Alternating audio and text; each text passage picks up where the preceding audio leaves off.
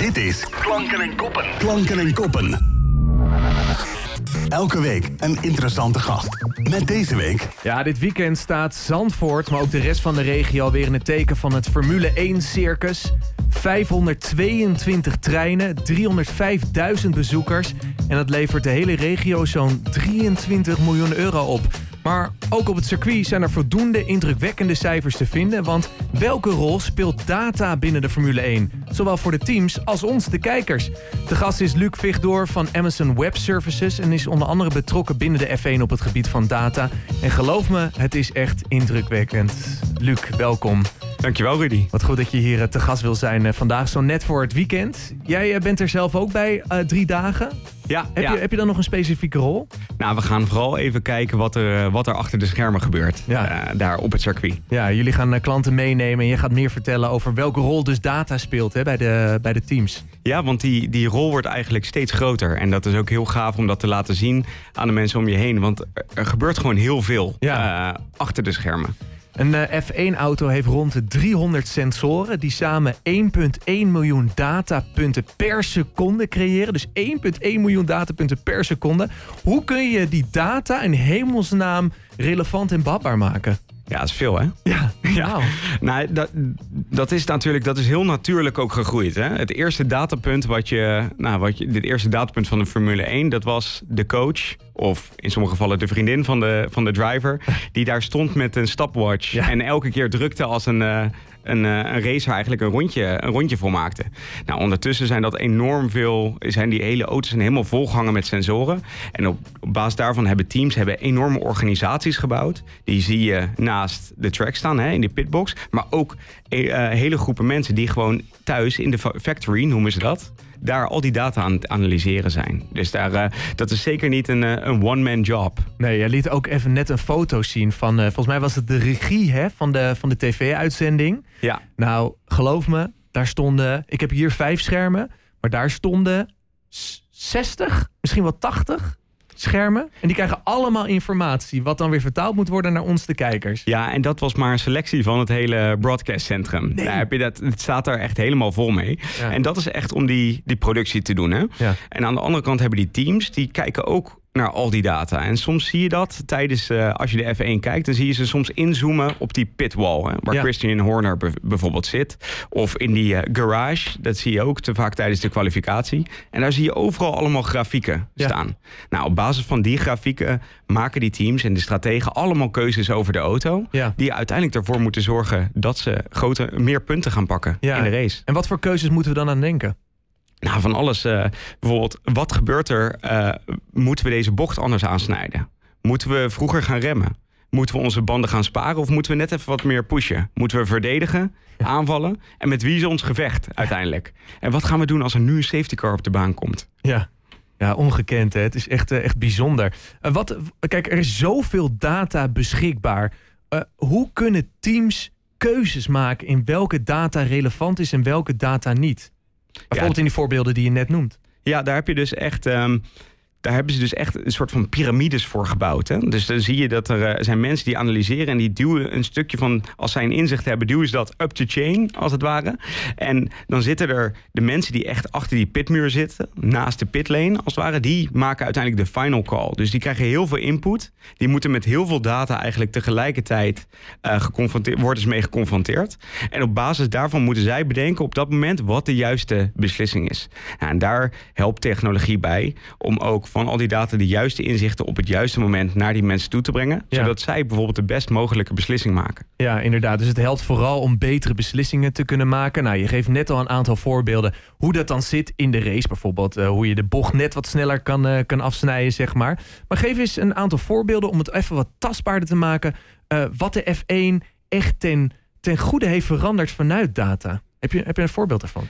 Ja, een van de, de mooiste voorbeelden daarvan vind ik eigenlijk... Uh, ze noemen dat de totem aan de linkerkant van het scherm. Daar zie je eigenlijk alle drivers worden daarin opgenoemd... en mm -hmm. het verschil in tijd mm -hmm. naar elkaar toe. Nou, ik zou je wel eens willen uitdagen om een Formule 1 race te kijken zonder die totem. Of vanuit de cockpit van een, uh, van een Formule 1 auto. En vertel me dan eens wie er eerste rijdt... Ja. Weet je, met wie je aan het vechten bent voor de positie. Ja. Hoeveel pitstops je hebt gemaakt. Welke banden je onder je auto hebt. Ja, dit is heel Onmogelijk, moeilijk, ja. heel moeilijk te begrijpen. Dus die totem eigenlijk, die wordt natuurlijk, daar zitten, heel, zitten ook allemaal data achter. Die wordt opgevangen.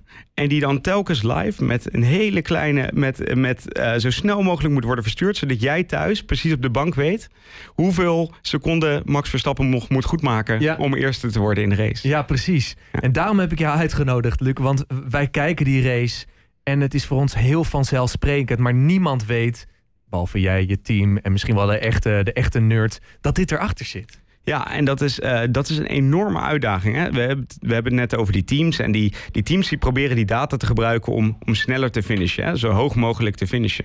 Maar aan de andere kant, je, je noemt het, het kijken naar de Formule 1. Ehm, hoe zorg je ervoor dat je het juiste beeld in beeld brengt? Ja. Want iedereen in de wereld kijkt naar dezelfde F1-uitzending. Iedereen ziet dezelfde beelden. En hoe zorg je ervoor dat je aan die miljoenen, honderden miljoenen mensen de juiste beelden laat, eh, de juiste beelden laat zien die beschrijft wat er werkelijk in de race gebeurt? Ja. Poh, nou, dat is vakwerk. Ja, ja, ze zeggen wel eens, als je kijkt naar een productie van een voetbalwedstrijd, dan zijn er eh 20, 30, 40 camera's die één bal volgen. Nou, in de Formule 1 zijn dat 20 ballen op een eh, voetbalveld wat kilometers lang is. Precies. Ja, dat is allemaal veel complexer. Ehm, nou, we hebben het er net over gehad. Hè. Er wordt heel veel data verzameld. Eh, wat zijn dan de grootste uitdagingen voor die mensen die die data moeten analyseren? En ja, moeten voorspellen waar de actie gaat plaatsvinden, bijvoorbeeld tijdens een race? Ja, dat is dus om te laten zien wat er op dat moment relevant is. Dus Oh ja. eh, voor de Formule 1, eh, waar moeten we naar kijken? En je kan die inzichten kan je vaak opdelen ehm, in drie verschillende, ehm, nou, drie verschillende onderdelen. Aan de ene kant het verleden. Hè, wat is er net gebeurd? Wat hebben we misschien niet gezien, maar moeten we nog laten zien? Ja? Ja, dat doe je op, maas- op basis van replays, die slow-mo's die je af en toe ziet. Hè. Dan zie je iemand over zo'n curb stuiteren, heel mooi. En dan zie je die band nog Ja. draaien. Of je, we hebben een, eh een inhaalmanoeuvre gemist. Nou, die willen we toch nog eventjes laten Ja. zien. Ehm, als tweede is het eigenlijk het heden. Hè. Wat is er nu aan het gebeuren? Hoe ver rijden de, ehm, rijdt Ocon achter eh, Magnussen bijvoorbeeld? En, is hij, ehm, en op welke banden rijdt hij? Ja? Dan zitten ze op dezelfde strategie. Ja? En de derde is de toekomst. Ja. En dat is specifiek, waar moet je straks op gaan letten? Oh ja. Waar gaat het spannend worden? En hoe bouw je die spanning op? Dat je uiteindelijk, weet je, dat, dat je de kijker ook helpt zijn aandacht te richten op waar het echte gevecht plaatsvindt. Ja, in de race. precies. Ja. Ah, ja. ja, ik snap hem inderdaad. Eh, eh, dit is mensenwerk, ja. Die, maar die, zeg maar, die, die, die, die data vertalen naar de teams of naar de kijker, dat is nog mensenwerk, toch? Ehm, gaat dat veranderen? Is dat, eh, eh, zit er straks niet meer, niemand meer achter die PC, omdat we een soort AI hebben die dat allemaal verwerkt en zelf keuzes maakt en weet wat het meest relevant is voor de teams en de kijker? Nou, eh, ik denk dat we, dat we eerder gaan zien dat je steeds meer mogelijkheden hebt als director. Je krijgt de toegang tot meer informatie. Je krijgt meer camerabeelden. Je hebt de mogelijkheid om mooier al die verschillende segmenten eruit te knippen Ja. en te laten zien. Dus ik, ik zie niet in eerste instantie dat dit helemaal geautomatiseerd gaat worden. Hè? Het is toch ook die emotie wat je erin wil zien. Ehm, en ik denk eerder dat we gewoon telkens eigenlijk een mooiere race gaan zien. En Ja. steeds dichter bij die coureurs gaan komen. Precies. Je ziet het bijvoorbeeld nu ook met die helmet cam. Weet je, dat Ja. je af en toe eh, mee kan kijken vanuit de mee- cockpit. ja. Nou, ik vind dat, ik vind dat Ongekend. fantastisch om te zien dat die coureurs zien dat ze een bocht moeten gaan maken. Dat is ongelooflijk toch? Ja, dat is, eh, dat is echt ongelooflijk inderdaad. Wat zijn nou de vragen die jullie als Amazon Web Services van, van de teams krijgen? Nou, de teams zijn eigenlijk, ehm, als ik het heel plat sla, met twee, met twee dingen bezig. Hè? Aan de ene kant zo snel mogelijke auto bouwen. En aan de andere kant zo goed mogelijke strategie neerzetten. Ja? En met die, eh, om die auto zo snel mogelijk te bouwen, nou, daar zijn allemaal verschillende, eh, allemaal verschillende subteams weer mee bezig. Hè? Hoe optimaliseer je de, die auto binnen de regels die je hebt Ja. vanaf de Formule 1? Maar ook hoe doe je dingen als zo, hoe maak je die auto zo licht mogelijk bijvoorbeeld? Ja. Want elk grammetje wat je extra mee moet tillen, ja, dat, dat vertaalt zich in extra tijd. eh, of tijd die je verliest. Nou, we hebben het dus over die sensoren gehad. Hè? Die auto's die helemaal vol hangen met sensoren. Wat we bijvoorbeeld met bepaalde teams, we werken ook samen met het eh, Ferrari-team. En daar zijn we juist bezig om een aantal van die sensoren, daar hebben we een van die sensoren bijvoorbeeld gevirtualiseerd. En dat betekent eigenlijk dat we die uh, in plaats van werkelijk een fysieke sensor daar te hangen, kunnen we die gegevens kunnen we voorspellen. Als het ware op basis van de andere sensoren. Oh, dus ja. zo hebben we een virtuele sensor eigenlijk in de, in de auto hangen. En dat zorgt ervoor dat we die echte sensor eruit kunnen halen. Nou, dat betekent dat die auto lichter wordt en daardoor weer sneller. Nou, dat zijn bijvoorbeeld optimalisaties die we doen, uh, waarmee we de teams uiteindelijk helpen. Is dit een nieuwe technologie? Uh, nee, dit is allemaal uh, Amazon Web Services. Uh, daar, daar wordt eigenlijk allemaal cloud technologie van Amazon Web Services voor gebruikt. En als we dan even een blik werpen op de toekomst hè, rondom data en de Formule 1, waar, waar zie jij nog kansen? Nou, ik, wat ik denk ik, wat, we, wat we zeker gaan zien is steeds meer personalisatie ook. Hè? Hm. We hebben het gehad over, we hebben het vaak over de fans, hè? die 100 miljoenen fans die de Formule 1 volgen. Maar er is eigenlijk niet zoiets als fans. Er zijn allemaal verschillende fans die allemaal op hun eigen manier met de sport willen omgaan. Sommigen willen de hele race kijken zonder uh, onderbrekingen. Anderen willen alleen de highlights zien. Anderen willen bijvoorbeeld alleen Ocon volgen. Of een Max Verstappen-fan is alleen maar geïnteresseerd. Die wil eigenlijk alleen, maar kijken naar wat Max doet en hoe mooi die elke bocht uh, uiteindelijk pakt. Nou, door, door, middel van technologie kunnen we het steeds beter mogelijk maken om unieke kijkervaringen te creëren. Precies. Dus dat jij op basis van hoe jij met de sport wil omgaan, op basis van jouw preferenties, dat jij een eigenlijk andere beelden te zien krijgt of een andere raceervaring voorgeschoteld krijgt dan iemand anders. Bijvoorbeeld in Frankrijk die in Ocon geïnteresseerd is. Of iemand is uh, geïnteresseerd in de, uh, de rivalry tussen Magnussen en Hulkenberg. Weet je? En die wil eigenlijk dat gevecht het liefste volgen. Nou, dat willen we uiteindelijk allemaal mogelijk maken, zodat iedereen op zijn of haar manier de race kan meemaken waar en wanneer en op welk device die dat uiteindelijk wil. Dus het wordt uh, veel gepersonaliseerder. Als wij uh, kijken naar um, uh, 2030, hè, is de sport echt, als we het echt puur hebben over de Formule 1, denk je heel erg veranderd? Of zal het nou, wel aan, met, een, met een paar detailverschillen uh, wel anders zijn, maar in basis blijft het hetzelfde? Ah, Rudy, weet je, ik doe mijn uh, hele leven al allemaal voorspellingen in mijn werk. Maar uh, Nooit, deze, deze, durf ik, uh, deze durf ik zeker okay. niet aan. Wat ik wel weet is dat er steeds meer technologie gebruikt zal gaan worden. het wordt steeds makkelijker om dat te, ook te gebruiken. En dat zal uiteindelijk ervoor moeten zorgen dat de kijkervaring steeds, ah, steeds gaver wordt. Ja. Klanken en koppen. Klanken en koppen op Haarlem 105. Luc Vigdoor is dus de gast van Amazon Web Services. We hebben het net gehad over de rol van uh, data in de Formule 1. Maar Amazon Web Services ja, is ook actief uh, bij de Duitse Bundesliga, de, de, de, de, voetbalcompetitie, de NFL, de American Football, NHL, de ijshockey en de PGA, dat is weer uh, het, golf. Um, Luc, als het gaat om meer data gedreven werken, wat zijn dan de grootste uitdagingen voor nou ja, uh, bedrijven, sportteams, uh, broadcasters, uh, nou, misschien wel grote competities zoals de Bundesliga? Ja, dat is, eigenlijk zijn ze er allemaal enorm mee bezig met data. En welke sport het ook is, of het nou American football is, ijshockey, rugby, zwemmen, voetbal, wielrennen eigenlijk zijn al die verschillende sporten die zijn steeds meer zijn ze data aan het vastleggen. Uh, en daar willen ze wat mee. Ja. Dat, dat kan gebruikt worden om de sportieve prestaties te verbeteren. Of om plat te zeggen, om de sport beter te begrijpen. Ja. Nou, aan de ene kant wordt dat dus gebruikt om, door teams om te winnen. Hè? Om, uh, om betere atletische prestaties neer te zetten. Aan de andere kant om de fan eigenlijk een beter inkijkje in de sport te geven. En die sport te laten volgen. Mm -hmm. En als laatste ook soms gewoon helemaal om de, de sport, helemaal in de sport te innoveren. En daar, daarbij kun je bijvoorbeeld denken aan uh, iets als de VAR. Hè? In, oh ja. uh, in voetbal, ja. waar steeds meer technologie uh, achter zit.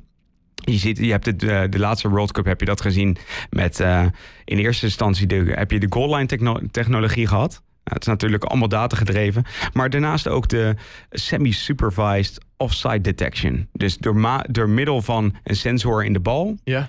en de camera's die de posities van alle spelers op het veld eigenlijk vastleggen, kan je op het moment van pasen kan je eigenlijk al bepalen of een speler oh, buiten ja. spel staat of ja. niet. En dat heb je in een paar situaties heel, uh, ja, heel mooi gezien. Ja. In de Cup. En zit dan die, die grote uitdagingen voor de partij die ik net noemde in het maken van keuzes? Ja, nou, we, noemen, we noemen net die 1,1 miljoen datapunten per, per seconde hè, voor, voor, de Formule 1. Ja. Nou, in uh, voetbalwedstrijden worden ook miljoenen datapunten gegenereerd. Ja. En dat is vandaag. Weet je, vandaag is de positie van de speler. morgen zijn het de positie van al zijn ledematen. Dan is het misschien niet uh, 25 keer per seconde, maar 50 keer per seconde. Misschien Oh ja. 100 keer per seconde na. Dus dat is enorm aan het groeien. Nou, dan heb je dus die hele hooiberg met data. En hoe vind je die speld erin? Ja. En wij helpen dus die organisaties eigenlijk die magneet bouwen. Zodat je door middel van heel veel rekenkracht die je heel even nodig hebt. eh, eh, dat kan berekenen. Machine learning modellen die dan die patronen daarin kunnen herkennen. En ook hoe sla je simpelweg al die informatie op. Ja. Zodat je het in de toekomst weer kan gebruiken. Gebruiken, ja. En hoe blijft het overzichtelijk? ja. Ja, Ja. relevante vraag inderdaad. Nou, jij hoort veel, jij ziet veel, je gaat veel in gesprekken. Ehm, door welke nieuwe technologie of nieuwe ontwikkeling rondom data ben je echt onder de indruk op dit moment? Nou, dat, is eigenlijk op, eh, op een aantal vlakken wat ik heel gaaf vind. Kijk, aan de ene kant heb je de mogelijkheden die generatieve AI met zich meebrengen. Eh, zeker voor het, het, eh, het maken van content, hè, ook in de sport. Voor de leek, wat is generatieve AI? Ja, het, het creëren eigenlijk, het steeds meer het creëren van ehm, nou, bijvoorbeeld tekst of eh, video's of, of foto's door middel van algoritmes. Ja. En die, nou, dat lijkt bijna of ze met je meedenken. Een co-piloot als het ware. En nou, daar is steeds meer mogelijk. Maar aan de andere ka- kant ook hoe steeds eh, makkelijker het wordt om die technieken, zoals generatieve A- eh, AI, maar ook machine learning, eh, andere technologische oplossingen, om dat te gebruiken als, als persoon, zonder heel veel voorkennis. Ja, tegenwoordig kan je gewoon een account eh, opstarten, bijvoorbeeld op AWS, en je kan er gewoon mee aan de slag. En ja, dat, dat zie je dat steeds meer mensen dat doen. Je ziet dat steeds meer sportteams daarmee aan de slag gaan, die met allemaal hele innovatieve ideeën vervolgens aan de haal gaan. Ja. en dat vind ik enorm gaaf. Ja, dat kan me voorstellen. Maar is er dan, eh, eh, kan je er niet even één ding uitplukken waarvan jij zegt, nou, dat, dat dit is, dat dit nu plaatsvindt, had ik tien jaar geleden nooit kunnen denken.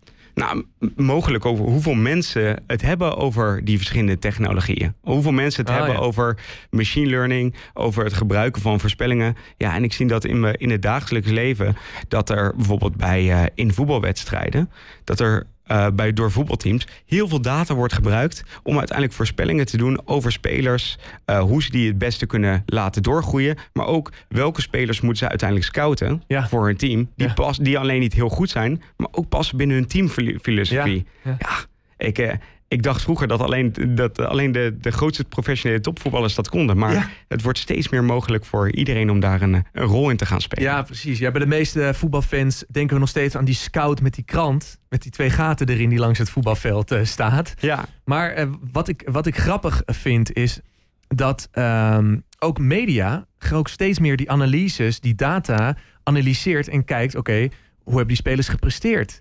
Eh, ik kan bijvoorbeeld nu zien, eh, zeker in deze transferperiode, welke back in Europa past het beste bij Ajax? En dat lees ik dan gewoon op een of andere voetbalsite. ja, gaaf hè? Ja, dat is toch, ja, dat is gaaf. Ja, en eh, precies dat, hè, die toegankelijkheid. Dat, eh, dat iedereen daar eigenlijk mee aan de slag kan. Dat iedereen ook zijn ideeën kan ontwikkelen. Ja, dat, dat, dat is iets wat, wat ik het allergaafste vind. Ja, kan me echt voorstellen. Welke, welke innovaties gaan we nog meemaken de komende vijf jaar?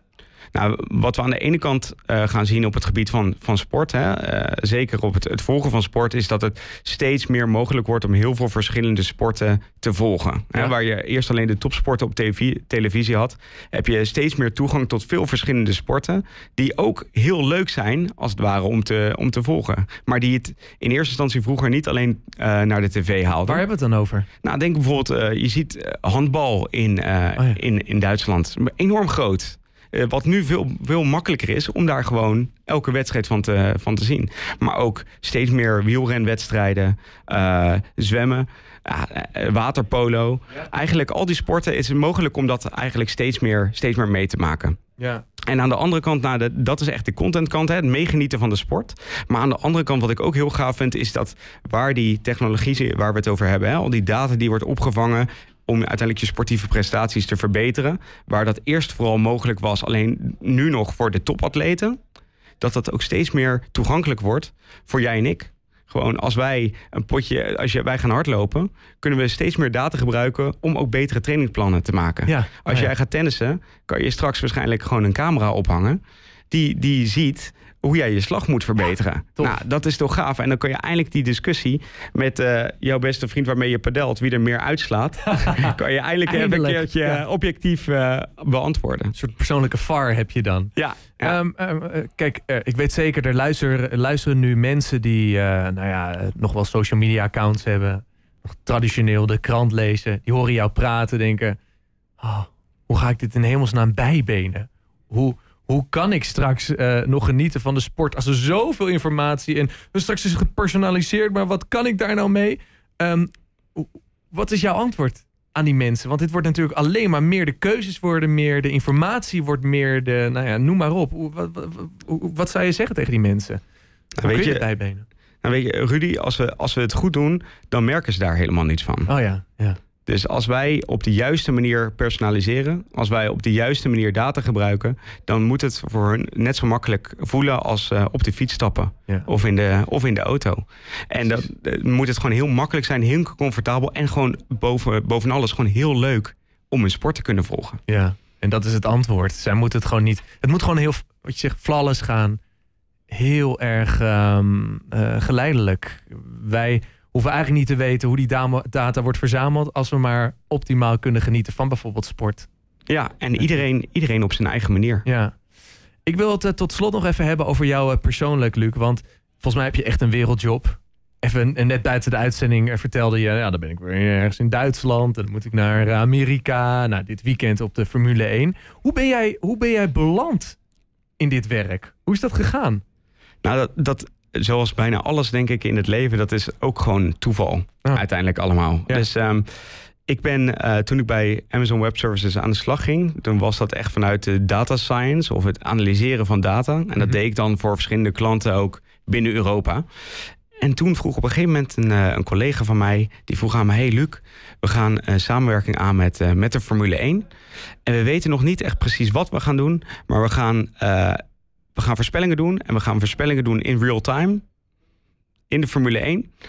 En eh, volgens mij kan jij dat heel goed. Wat En trouwens, het moet af eh, binnen anderhalve maand. En we gaan live in, eh, in Australië. en bij de eerste race. Nou, dan, toen, heb ik, nou, toen heb ik eigenlijk die, die uitdaging hebben we met een team met twee handen aangepakt. Dat, was, met, eh, ja, dat was hartstikke leuk met eh, André en Laurens en, en Ina zijn we eigenlijk aan de slag gegaan. Hebben overdag en nachten gewerkt en uiteindelijk het voor elkaar gekregen. En toen, eh, nou, bij eerste race van het seizoen, hè, heb je nog geen testen gehad. Toen waren we uiteindelijk onze, onze oplossing, hè, die inzichten waren we aan het testen tijdens de trainingen. Maar die zijn natuurlijk midden in de nacht in, eh, in Australië. Dus dan waren we dat aan het, eh, aan het oefenen. En dan zeiden ze, oké, het werkt jongens, het werkt. Oké, heel goed. De, de volgende training is over twee uur. En ik kijk op mijn klok. En het is twee uur s'nachts. dus ik dacht, nou oké, ik ga even op de bank liggen. Ja. Goed. Nou, op een, een uurtje later werd ik, eh, word ik op een gegeven moment wakker met mijn telefoon die bust op mijn, eh, op mijn borst. Mijn kat aan de andere kant van mijn, eh, die half over mijn benen ligt. En ik neem hem op en ik zeg, met Luc. Hey Luc, are you still with us? We're ready for the next practice. Nou goed. Toen, eh, lang verhaal kort, we zijn toen, uiteindelijk zijn we die race ook gaan kijken om zes uur 's ochtend. En eh, waar iedereen juichte voor de, eh, de inhaalmanoeuvres van bijvoorbeeld Max Verstappen, waren wij aan het juichen toen onze graphic op Ja, het scherm oh kwam. ja, ja. En boven alles toen de informatie correct was. Geweldig. Is dat ook het, hetgene wat jou het meeste energie geeft in, eh, in deze job? Ja, ik, ik hou van verhalen vertellen. Ik hou van begrijpen hoe iets in elkaar zit. En eh, dat is precies eigenlijk wat je met data in sport doet. En daarbij hoop je gewoon een bijdrage te kunnen leveren aan ja, die, die super memora- memorabele momenten. Die denk ik iedereen met zich meedraagt eh, met betrekking tot, tot de sport. En ik hoop dat nog eh, heel lang te kunnen blijven Ja? doen. Waar zie jij jezelf over tien jaar? Nou, ik zou dit nog wel tien jaar kunnen doen, Rudy. Maar eh, het is ook, ik zou ook heel goed kunnen dat ik meer binnen een sportorganisatie aan de slag ga. En het een keertje van die kant Oh ja. proberen. Misschien niet alleen de kijkervaring, maar ook wedstrijden winnen. Tof man, echt heel cool. En dit weekend eh, ben jij natuurlijk te vinden tijdens de Grand Prix van, eh, van Zandvoort. En ik weet zeker, mensen die hebben geluisterd gaan met een andere blik naar deze wedstrijd kijken. Dat kan niet anders. Nou, ik hoop dat ik het niet verpest heb, want ik kijk nooit meer op dezelfde manier naar een Formule 1 wedstrijd. Hey Luc, onwijs bedankt eh, voor je komst.